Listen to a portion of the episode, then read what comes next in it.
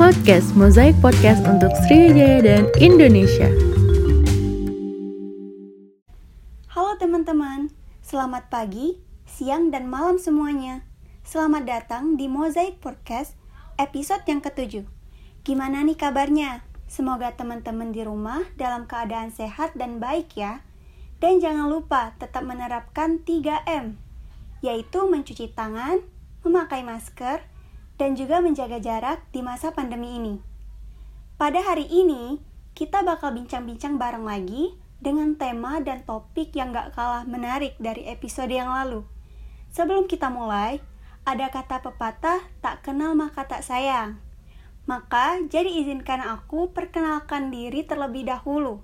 Nama aku Adinda Sela Amalia, mahasiswa jurusan Pendidikan Kimia Universitas Sriwijaya tahun angkatan 2020 dari Kementerian Porakrema, BMKM Unsri, Kabinet Mozaik Harapan.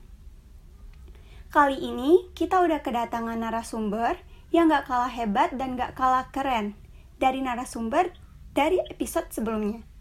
Tanpa basa-basi lagi nih teman-teman, langsung aja kita panggil narasumber kita yaitu Kak Muhammad Fikri. Halo Kak, Assalamualaikum. Halo Mbak Dinda. Waalaikumsalam warahmatullahi wabarakatuh. Selamat siang. Gimana nih Kak kabarnya sekarang? Alhamdulillah spektakuler, dahsyat, luar biasa, bahagia. Wah, alhamdulillah ya Mbak Dinda Kak. gimana? Wah, kalau Adinda juga alhamdulillah Kak, sehat walafiat. Ya, Kalau kesibukan sekarang yang Kakak jalanin apa nih Kak? kalau kesibukan eh, sekarang kuliah, habis itu bisnis sama mungkin juga ngurus beberapa komunitas sih, kayak gitu. Oh, kebetulan sekali ya Kak, konten-konten Kakak di TikTok sering masuk FYP Adinda nih loh. Dan Adinda Oh, iya. juga Oke. Heeh. Dan Adinda juga salah satu pengikut dari konten konten kakak di TikTok. Boleh dong kak di spill akun TikTok, Instagram ataupun YouTube. Kali aja teman-teman mau tahu lebih lanjut informasi dari kakak atau mau lihat konten-konten bermanfaat dari kakak. Oke, siap Mbak Dinda. Jadi teman-teman bisa uh, ikutin aku di TikTok ataupun di Instagram dengan username yang sama @fikri.afh. Itu sama sih namanya. Gitu. Baru aktif di dua platform itu sih, TikTok sama Instagram. Oh oke. Nah teman-teman jangan lupa ya dikepoin. Oke. Oke, sebelumnya kita mulai berbincang-bincang lebih jauh lagi nih kak. Dan berhubung ini juga pertama kalinya Adin ngobrol bareng kakak, gimana kalau kakak perkenalan diri terlebih dahulu? Oh, boleh, boleh banget. Siap-siap. Oke, halo Mbak Dinda, halo semuanya. Perkenalkan aku Fikri. Nama aku Muhammad Fikri. Uh, sering dipanggil Fikri, sekarang seorang mahasiswa, masih mahasiswa semester 6 di salah satu perguruan tinggi di Bandung, yaitu Universitas Pendidikan Indonesia, jurusan Pendidikan Bahasa Inggris. Nah, aku punya interest di bidang bisnis, personal development atau uh, improvement, habis itu juga social sama education. Jadi kalau yang berbau sama juga youth, uh, youth empowerment. Jadi kalau yang berbau-bau apa ya, istilahnya kayak bisnis, pendidikan, sosial, terus apa ya, komunitas, pergerakan anak muda itu aku suka banget. Kayak gitu. Sekarang umurnya masih 20 tahun, insya Allah tahun ini 21 tahun. Gitu. Itu sih. Wah, itu dia perkenalan singkat dari Kak Fikri. Oke, tanpa berbasa-basi lagi, langsung aja kita masuk ke topik kita, yaitu mengenai how to be young entrepreneur. Ngomongin tentang young entrepreneur, menurut artikel yang Adinda baca, bahwa tingkat young entrepreneur atau entrepreneur muda di Indonesia tingkatnya masih sangat minim dibanding negara lain. Padahal, peran seorang entrepreneur sangat penting untuk mengurangi tingkat pengangguran di negara kita. Dan dari pihak Dikti juga telah mempersiapkan dana untuk mahasiswa yang mau membuka usaha, yaitu PKMK. Namun dilihat dari kenyataannya, hanya beberapa mahasiswa yang mau menengok dan mengikuti PKMK tersebut. Menurut kakak, bagaimana sih mengajak pemuda untuk berminat di bidang entrepreneur atau kewirausahaan? Dan untuk para pemuda yang sudah berminat, ingin terjun dalam bidang ini, yaitu Young Entrepreneur, bagaimana cara memulai bisnis untuk pemula, dan tips and trick ala kakak nih. Hmm, oke, siap. Pertanyaan pertama, eh, gimana caranya supaya pada tertarik di bidang entrepreneurship? Yang pertama, sebenarnya kan ini kita nggak bisa memaksakan orang ya untuk uh, suka entrepreneur itu kayak gimana. Karena memang memang lebih baiknya tuh kita uh, we do what we love and we love what we do gitu. Jadi kita menyukai apa yang kita lakukan dan kita juga melakukan apa yang kita sukai.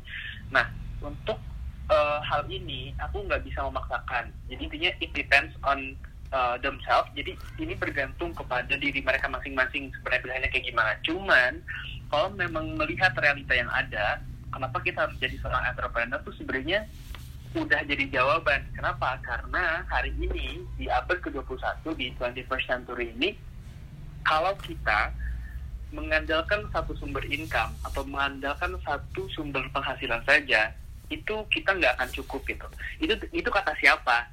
Jadi itu uh, riset dari mentor-mentor saya.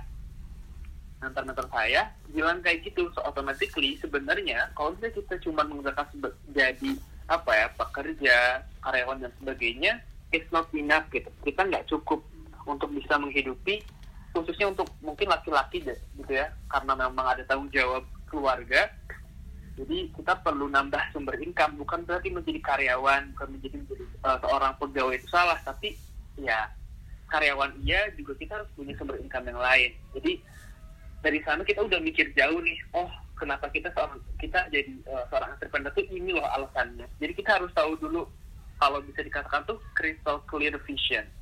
Tujuan yang jelas. Kenapa sih kita pengen jadi seorang pebisnis gitu? Apa alasannya? Apa strong why-nya? Apa alasan terkuatnya? Kenapa kita harus jadi seorang pebisnis? Kayak gitu. Dan itu kan yang bisa menjawab adalah masing-masing.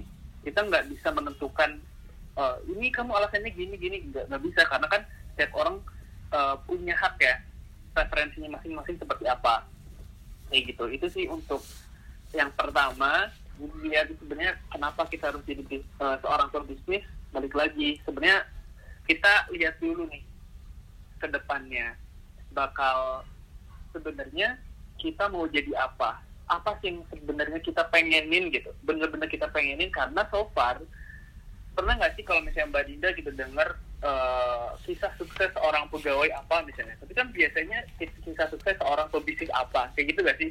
Rata-rata yeah. dan dan hari ini apalagi di abad 21 kita udah ada tools atau alat pendukung internet dan sebagai media platform yang ada itu sangat memudahkan sekali sebenarnya.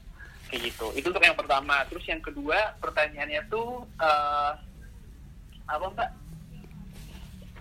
Bagaimana cara memulai bisnis untuk para pemula nih kak? Hmm, untuk cara memulai bisnisnya, yang pertama sebenarnya tadi, yang pertama kita harus tentuin dulu kenapa kita harus mulai bisnis dari sekarang gitu. Ada yang udah 18 tahun, 19 tahun, 20 tahun, ikut sana sini, bukannya gak boleh sebenarnya. Cuman lebih baiknya kita tahu sebenarnya kita tuh buat apa bisnis gitu, strong why-nya apa, tujuan yang jelas dan alasan yang kuat kenapa kita berbisnis. Terus yang kedua, coba cari mentor. Cara memulai cari mentor, cari orang yang udah duluan nyemplung gitu. Kalau misalnya kita mau bisnis di dunia fashion, so automatically kita harus cari orang yang memang bergelut di sana kayak gitu. Jadi kan kalau istilahnya gini, kalau kita pengen sukses ada tiga caranya. Yang pertama tuh cari orang yang udah sukses. Yang kedua tanya caranya yang ketiga tuh duplikasi caranya. Jadi kalau misalnya kita nanya sama orang yang belum sukses ya berarti kita akan sama dengan dia kayak gitu. Maka dari itu yang kedua adalah temukan mentornya dan juga cari lingkungan yang suportif. Karena tadi yang kata Mbak Dinda di Indonesia ini baru sekian persen dari 260 juta jiwa ya penduduk Indonesia tuh sedikit banget entrepreneurnya. Sedangkan sama uh, saya sepakat banget tadi ketika Mbak Dinda bilang uh, bahwa jumlah entrepreneur atau jumlah pebisnis di suatu negara itu sangat berpengaruh terhadap uh, ekonomi negara itu iya, apa ke depannya kayak gitu. Karena Indonesia tuh masih kurang di uh, dari 10% lah dari total penduduk yang ada. Sedangkan kayak Singapura dan sebagainya mereka kan negara-negara kecil dan mereka juga uh, banyak pebisnisnya dan itu yang menjadikan mereka sebagai negara maju. Makanya sekarang Indonesia masih negara berkembang ya salah satunya adalah karena populasi dari pebisnis itu sedikit kayak gitu. Nah tadi yang pertama besar clear vision yang kedua find the mentor terus cari juga supportive environment atau cari lingkungan supportive. Kenapa? Karena yang tadi kita tuh ada di kaum 5 persen dibandingkan 95 persen. Artinya kita adalah kaum yang sedikit dibandingkan yang banyak. Karena teman-teman, bisnis itu nggak cuma tentang jualan gitu, tapi tentang menaikkan kapasitas diri. Bukan cuma tentang duit, bukan cuma tentang marketing, enggak, tapi tentang kapasitas diri kita tuh benar-benar menentukan kayak gimana makanya kalau misalnya jadi kalau 5% itu sendirian tuh berat banget berjuangnya. Makanya carilah teman-teman yang kira-kira nanti sevisi atau frekuensi buat apa? Buat saling support satu sama lain. Kayak gitu. Itu sih itu tiga hal yang kalau menurutku basic banget yang harus teman-teman tahu dan punya gitu. Kenapa uh, bagaimana cara memulai bisnis gitu. Nah kalau tips and trick ala kakak nih apa ya kak tips and trick apanya nih? Memulai atau jalanin atau gimana? Ya untuk menjalani suatu bisnis gitu. Hmm, Oke, okay. kalau tips dari saya, uh, karena sekarang udah tadi lagi-lagi kita di abad 21 terus di tengah pandemi, mau gak mau kita harus shifting dari offline ke online, dari konvensional ke daring. Jadi kalau misalnya teman-teman pengen cari bisnis, carilah bisnis yang bisa dijalankan secara online. Syukur-syukur bisa offline iya, online juga iya. Habis itu, tadi mentor penting, lingkungan penting, visi peta kita, life map kita tuh penting banget. Kenapa kita harus mulai bisnis? Habis itu rutin juga yang namanya mentoring. Kenapa? Karena supaya nanti kita terlatih, kita sering konsultasi, sering action, sering report, sama siapa sama mentor kita supaya nanti diarahin. Karena gini sih logikanya kenapa kita punya harus punya mentor. Kita pengen ke Jakarta. Kita nggak tahu jalan ke Jakarta. Nah tapi kita punya teman yang orang Jakarta atau pernah ke Jakarta. Pasti kita tanya dong ke dia ini jalannya dari mana sih? Kalau, misalnya dari Bandung gitu kan. Ada ada shortcutnya nggak? Ada jalan pintasnya nggak gitu jalan tolnya lewat mana dan sebagainya gitu. Nah pasti dia ngasih tahu dong kayak gini gini gini kayak gitu. Nah itu kan istilahnya tujuan kita ke Jakarta. Itu goalsnya kita tuh. Habis itu uh, orang yang udah pernah ke Jakarta atau orang Jakarta adalah mentor kita. Nah kita yang bawa kendaraan itu kita sedang dalam suatu bisnis. Oh kita lagi bisnis ini pengen ke Jakarta kayak gitu. Jadi yang lebih sederhana kayak gitu supaya nanti teman-teman nggak masuk ke lubang yang sama dalam artian kesalahan mental tuh nggak bisa nggak usah kita ulangi gitu kita nggak usah trial and error lagi. Habis itu carilah bisnis atau kendaraan bisnis. Kenapa saya bilang kendaraan? Karena uh, bis itu bukan tujuan ya. Uang juga bukan tujuan.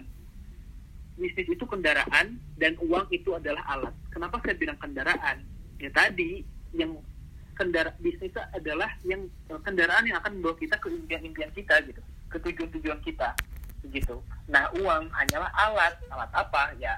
Alat membahagiakan, alat menolong orang dan sebagainya. Jadi intinya tujuannya tuh bukan bukan ke uang, bukan ke money oriented, tapi lebih ke gimana caranya kita bisa giving, berbagi kepada orang banyak. Gimana caranya kita bisa sharing opportunity, ya berbagi peluang, berbagi kesempatan untuk orang banyak kayak gitu. Jadi tujuannya makanya kenapa entrepreneur itu jangan fokus ke uang? Pebisnis itu jangan fokus ke uang karena ya biasanya kalau kayak gitu uangnya bakal ngikutin. Justru harusnya pebisnis itu fokusnya pada visi mereka impiannya mereka.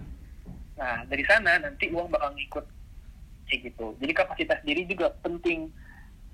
Karena gini kalau misalnya kita bisa lihat uh, orang-orang kaya di Indonesia itu kapasitas diri mereka juga pasti selaras dengan rezeki mereka ngerti nggak jadi kayak kenapa uh, contoh kayak Ria Ricis akhir ini dia baru sedekah 200 juta misalnya nah mungkin bagi sebagian orang apa ya wah 200 juta gitu kan Nah berarti sebenarnya Riyad Mahrez sudah pantas untuk mendapatkan 200 juta dan menyedekahkannya 200 juta kayak gitu. Nah sekarang kita tanya dulu ke diri kita, apakah 10 juta udah kita dapetin belum? Kita udah ngerasa pantas belum nih? Gitu. Kapasitas diri kita udah pas belum nih buat dapetin 10 juta gitu. Terus naik lagi, naik lagi. Gimana cara naikin kapasitas dirinya? Tadi mentoring, baca buku, lihat YouTube, ikut uh, training, ikut mentoring, apalagi uh, sering-sering ikut webinar, konsultasi sama mentor dan sebagainya, kayak gitu. Itu sih. Oke. Kalau dari kakak sendiri, ada nggak sih kak Hmm? tokoh yang menjadi inspirasi kakak hingga menjadi seperti ini? Oke, tokoh ya luar biasa banget nih, interesting. Pertanyaan yang belum pernah ditanyain juga eh, sebelum-sebelumnya. Kalau ditanya siapa yang menginspirasi, eh, kalau kalau orang luar ya itu ada tentunya kalau misalnya kan saya muslim nih tentunya Nabi Muhammad adalah salah satu role model saya ketika berbisnis karena saya dijelasin gitu gimana cara beliau berniaga ekspansi dan sebagainya gitu di usia mudanya beliau beliau mau berdagang dan sebenarnya istilah-istilah bisnis itu juga dari dari sana kayak gitu itu kalau ngomongin eh, luar ya dan juga sebenarnya saya juga apa ya terinspirasi dari Robert T. Kiyosaki. Robert T. Kiyosaki itu adalah seorang penulis buku dari Rich Dad Poor Dad. Teman-teman bisa banget uh, wajib buku uh, baca bukunya. Kenapa? Karena itu bisa membuka cakrawala pengetahuan kita sebenarnya oh ternyata seperti ini loh cara uh, apa ya menja cara menjadi pribadi yang financial freedom jadi kayak istilahnya kita bebas finansial gitu juga time uh, time freedom kita punya waktu yang bebas juga uang yang banyak misalnya kayak gitu terus kalau orang Indonesia ada namanya Mas Parama Wangga Malano beliau umurnya masih 33 tahun tapi luar biasa banget asetnya udah ratusan miliar. Omsetnya juga udah triliunan tiap tahun. Yang jadi amaze-nya adalah lagi-lagi tentang kapasitas diri. Beliau nggak pernah sama sekali apa ya istilahnya absen untuk terus latihan tiap hari. Untuk ngasih tahu cara sebenarnya kita sebagai seorang pebisnis itu harus seperti apa begitu. Jadi bukan cuma tentang jualan tapi juga tentang kapasitas diri kita. Terus selanjutnya juga ada namanya Mas Yahya Ayas. Beliau di usia mudanya mau kalau dari sudut pandang saya beliau itu mengorbankan masa mudanya. Dan artian nggak nggak nongkrong nggak hahaha dan sebagainya tapi beliau mau berjuang buat siapa? Buat impian-impiannya buat keluarganya. Sampai akhir dua bulan terakhir ini beliau bisa dapetin tuh sekian ratus juta masuk ke rekeningnya di usia 24 tahun. Itu karena apa? Karena ada harga yang dibayar. Apa harga yang dibayar? Ya tadi dia nggak nongkrong nggak sisi banyak orang yang bully banyak public enemy dan sebagainya kayak gitu. Itu sih jadi tantangan dan ya mereka yang jadi inspirasi buat saya kayak gitu. Oke kak, Adinda mau tanya nih kak, kalau bisnis kan harus punya modal. Nah gimana Hmm. sih kalau kita berbisnis tanpa modal tapi menghasilkan omset yang besar? Oke, cool. Pertanyaan yang sangat bagus. Dan mungkin ini pasti banyak ditanyain sama teman-teman. Gini, kita sebenarnya nggak boleh membatasi definisi modal itu terhadap uang saja. Modal itu juga termasuk waktu dan juga tenaga kita. Saya jujur untuk memulai suatu bisnis itu nggak ngeluarin modal dari kantong saya sendiri gitu. Tapi karena saya punya mentornya, ngarahin dan membimbing gimana caranya untuk bisa dapat permodalan Nah, maka saya yang punya, uh, saya kan punya punya cuma waktu sama energi sama tenaga gitu. Oh ya, automatically saya harus cari gimana nih untuk permodalan uangnya. Oh, permodalan uang gampang lah cari pemodal, cari investor. Gimana caranya? Nah, itu udah diarahin sama mentor kayak gimana gimananya. Nah, makanya kita jangan membatasi modal itu dengan uang. Terus untuk apa namanya tadi kan pengen omsetnya banyak lah banyak kok apa istilahnya tim bisnis saya dan juga orang-orang yang saya kenal mereka memulai bisnis itu memang perlu modal uang. Tapi dalam artian nggak keluar dari kantong mereka gitu. Banyak kok pemodal di luar sana investor di luar sana yang mau ngasih sebenarnya. Tinggal kita aja yang mau menjemput. Dan itu ada caranya. Setiap orang punya kesempatan yang sama. Kalau dia juga tahu caranya gimana cara menjemputnya. Gitu. Jadi jangan membatasi modal itu uang tapi juga tenaga dan waktu kita. Nah, waktu dan tenaga kita coba dimaksimalkan, coba dioptimalkan untuk menjemput modal yang uang tadi. kayak gitu. Dan buktinya yang uh, mentor saya tiga bulan ini tiga bulan terakhir ini itu uh, omsetnya udah ratusan juta. Kayak gitu. Terus saya pandemi itu uh, on the way ratusan juta juga omsetnya. Itu karena apa? Ya karena kita mau belajar mau naikin kapasitas diri modal waktu dan tenaga kita benar-benar dimanfaatkan dengan sebaik-baiknya. Kayak gitu Iya kak, kalau misalnya ngomongin masa muda, kalau misalnya kita mau menjadi young entrepreneur atau sukses di usia muda, ya kita harus mengorbankan masa muda kita ya kak. Betul, ya. Iya, kalau misalnya kita masih berleha-leha di masa muda, ya mungkin di masa tua nanti kita akan kesulitan. Bukan begitu kak? Iya, sepak sepakat sih. Tapi bukan berarti kita benar-benar harus kayak ini kan balik lagi kepada preferensi opini masing-masing. Kayak gitu. Ya, jadi nggak ada kalau memang misalnya teman-teman mau tetap nongkrong dan sebagainya nggak jadi masalah. Itu pilihan dan haknya teman-teman kayak gitu. Cuman kalau bisa saya saran ke untuk teman-teman di sini yang ngedengerin uh, intinya jangan terlalu menggadaikan waktu yang sekarang untuk happy happy yang sementara gitu. Teman-teman juga harus tahu sebenarnya teman-teman berjuang untuk apa dan juga untuk siapa. Keluarga kita udah nggak nggak bisa nunggu lama lagi untuk kita sukses. Orang tua kita makin tua nih. Kita masih misalnya teman-teman sekarang lagi masih kuliah nih. Orang tua kita nanti kita misalnya semester akhir orang tua kita juga makin tua kayak gitu. Apakah mereka masih bisa apa ya istilahnya merasakan uh, hasil perjuangan kita selama kita kuliah, selama kita berbisnis, selama kita berjuang kah kayak gitu. Itu sih ba banyak orang yang perlu kita bantu. Kalau misalnya kita sekarang cuma hahi doang, kalau menurut saya pribadi uh, ini apa ya, cuman buang-buang waktu aja. Bukan berarti teman-teman nggak boleh hahi ngobrol nongkrong enggak ya, tapi sesuai dengan porsinya masing-masing kayak gitu. Ya, kalau ada baiknya kalau kita nongkrong itu sambil berbicara tentang bisnis kali ya kak Betul, iya benar-benar banget, benar banget. Jadi dapat keduanya, dapat juga masa muda, dapat juga pemikiran untuk memulai bisnis.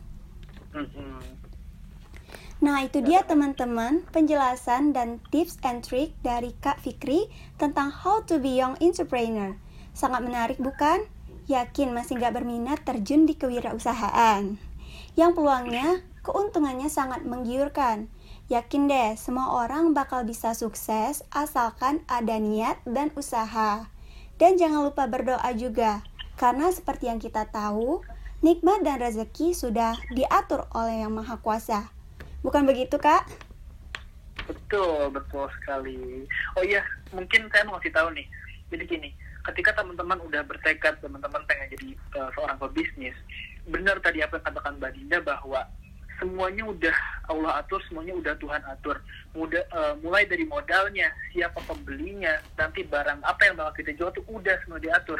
Tinggal apa? Tinggal jadi kitanya kapasitas dirinya dinaikin, PD mau belajar, komitmen, habis itu kita tinggal jemput banyakin action oriented jangan sampai kita menu-menuhin teori doang ikut webinar habis itu kayak ya udah oh tahu gini gini gini tapi praktiknya nol nah itu hmm. yang jadi sayang banget apalagi mostly nih kita saya baru tahu bahwa ternyata di bulan Januari kemarin itu Badan Statistik dari Indonesia bilang bahwa uh, generasi Z juga generasi milenial itu mendominasi de, uh, populasi yang di Indonesia. Jadi ini PR banget buat kita semua. Gitu. Dan jangan takut memulai ya teman-teman. Keluarlah ya. dari zona nyaman kak ya. Betul betul betul keluar dari zona nyaman, mulailah dan jalan dan pilih jalan suksesmu. Dan dari ilmu dan informasi yang telah disampaikan oleh Kak Fikri tadi, semoga bisa membuka cakrawala teman-teman yang bingung harus ngapain dulu nih. Ada yang mau disampaikan lagi Kak untuk teman-teman? Mungkin? Uh, Oke, okay. terakhir ya. Karena hidup cuma sekali, maka jadilah berarti itu cukup insya Allah ya itu dia closing statement ya kak mungkin ya dan sekalian juga kak kalau boleh tahu lagu dan film favorit kakak kalau lagi ngerjain tugas, weekend, atau lagi waktu luang nih? Apa ya kak? Mungkin bisa direkomendasikan untuk teman-teman di rumah. Eh, lagu sama apa tadi? Film. Oke. Anyway, saya tuh sebenarnya suka lagu karena eh, anak TikTok kan. Jadi kayak lagu-lagunya TikTok tuh enak banget buat didengar. Jadi kalau misalnya mau ngeplay lagu pasti ngeplaynya TikTok mashup atau kayak lagu-lagunya TikTok lah bisa search aja di YouTube. Itu nyari ada yang calm, ada yang upbeat dan sebagainya itu teman-teman bisa eh, menyesuaikan. Kalau film sebenarnya eh, bisa nonton di Netflix atau di Disney sih. Paling dua itu. Insya Allah itu sangat direkomendasikan. Kayak gitu lah. Iya bener. Kalau Adinda juga sering nyetel lagu itu tuh pakai lagu yang tik TikTok gitu kak. Karena emang Iya kan? sesuka itu lagunya itu juga enak-enak didengar. Apalagi lagu-lagu yang eh, bahasa Inggris gitu ya kak. Ya, betul. Asik banget lah pokoknya. Mm-mm. Dan untuk harapan kakak nih, apa aja sih harapan kakak buat podcast ini? Harapannya buat podcast ini, nama podcastnya apa, Mbak Dinda? Mosaic Podcast. Mosaic Podcast. Wah, luar biasa banget BMKM Unsri punya podcast yang se- seperti Mosaic Podcast ini. Eh, harapannya ke depannya makin banyak orang yang mendengarkan Amin. karena eh, aku yakin apa ya panitia atau orang-orang di balik layar Mosaic Podcast udah menyiapkan banyak materi yang sebenarnya juga berisi gitu jadi nggak cuman tanya doang tapi udah ada value-nya nah dari sana harapannya masih makin banyak pendengar makin banyak orang yang tergerak hatinya, tergerak jiwa raganya untuk apa? Untuk action. Jadi percuma kan kalau misalnya cuma dengerin podcast tapi nggak juga action kayak gitu. Jadi benar-benar nantinya ketika mereka bergerak jiwa raga dan hatinya itu kan nanti juga ada pahalanya ya buat teman-teman dari Mosaic Podcast yang di belakang layar gitu buat panitia-panitianya. Dan itu juga makin banyak orang yang mungkin influencer ke atau misalnya pebisnis yang nantinya apa ya mereka punya power yang luar biasa bisa diundang bisa ditanya bisa diinterview gimana caranya mereka bisa sampai di titik ini kayak gitu Boleh, itu boleh. sih Terima kasih Kak atas harapannya. Semoga Allah juga mengabulkan doa dari Kakak ya. amin Nah iya, jangan lupa Aku ingetin lagi buat teman-teman, jangan lupa mampir ke channel YouTube, Instagram, dan konten TikTok dari Kak Fikri ya. Karena Kak Fikri juga sudah membagikan ilmu-ilmu di sana, terkhusus untuk para pemuda nih, seperti kita yang masih bingung harus ngapain di masa muda, agar waktu kita nggak terbuang sia-sia. Boleh diulangin lagi kak nama akunnya? Barangkali ada teman-teman yang ketinggalan nih. oke siap gini sekaligus aku mau ngasih kesempatan nih buat teman-teman pendengar podcast dari uh, Mosaic Podcast dari BMKM Unsri uh, aku mau ngasih uh, voucher uh, 10 voucher uh, senilai lima ratus ribu sampai satu juta itu nanti ada fasilitas mentoring juga sekolah bisnis secara gratis yang bisa teman-teman yang dengerin podcast ini sampai akhir bisa DM Instagram saya di nanti bisa kenalin diri dan bilang kalian pendengar dari Mosaic uh, terus episodenya Kak Fikri kayak gitu. Nah dari sana nanti bakal aku arahkan ya kayak gimana. Jadi nama Instagramku dan juga TikTokku sama @fikri.areva tapi kalau teman-teman mau diskusi boleh di Instagram aja. Jadi biar nggak tenggelam nantinya. Itu sih Wah ya teman-teman, silakan di DM Kak Fikri ya. Kalau aja rezeki kan.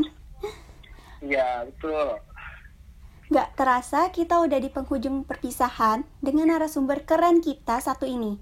Terima kasih ya kak untuk yang telah meluangkan waktunya. Terima kasih juga udah mau share ilmunya kak. Karena saat ini kita terbatas dengan waktu juga. Mungkin di lain waktu bolehlah kak kita berbincang-bincang kembali. Amin amin amin berangkat ke Palembang ya insya Allah Iya, langsung tatap muka ya kak kita berbincang-bincangnya. betul betul betul betul Semoga juga pandemi bisa berakhir dengan cepat dan kita Amin. dimudahkan dalam beraktivitas seperti biasa. amin ya Dan jangan lupa lagi teman-teman tetap menerapkan protokol kesehatan yang diberlakukan pemerintah, yaitu 3M. Mencuci tangan, memakai masker, dan juga menjaga jarak. Dan buat teman-teman yang gak mau ketinggalan podcast-podcast menarik kita yang selanjutnya, bisa banget follow akun Instagram BMKM Unsri dan ikuti kita di Spotify juga ya. Selamat mendengarkan, enjoy your day, dan sampai jumpa di episode berikutnya. Bye-bye. Wassalamualaikum warahmatullahi wabarakatuh. Nah, kita udah sampai nih di ujung tapi bukan di akhir podcast karena nggak kerasa udah waktunya kita untuk pamit undur diri di season kali ini.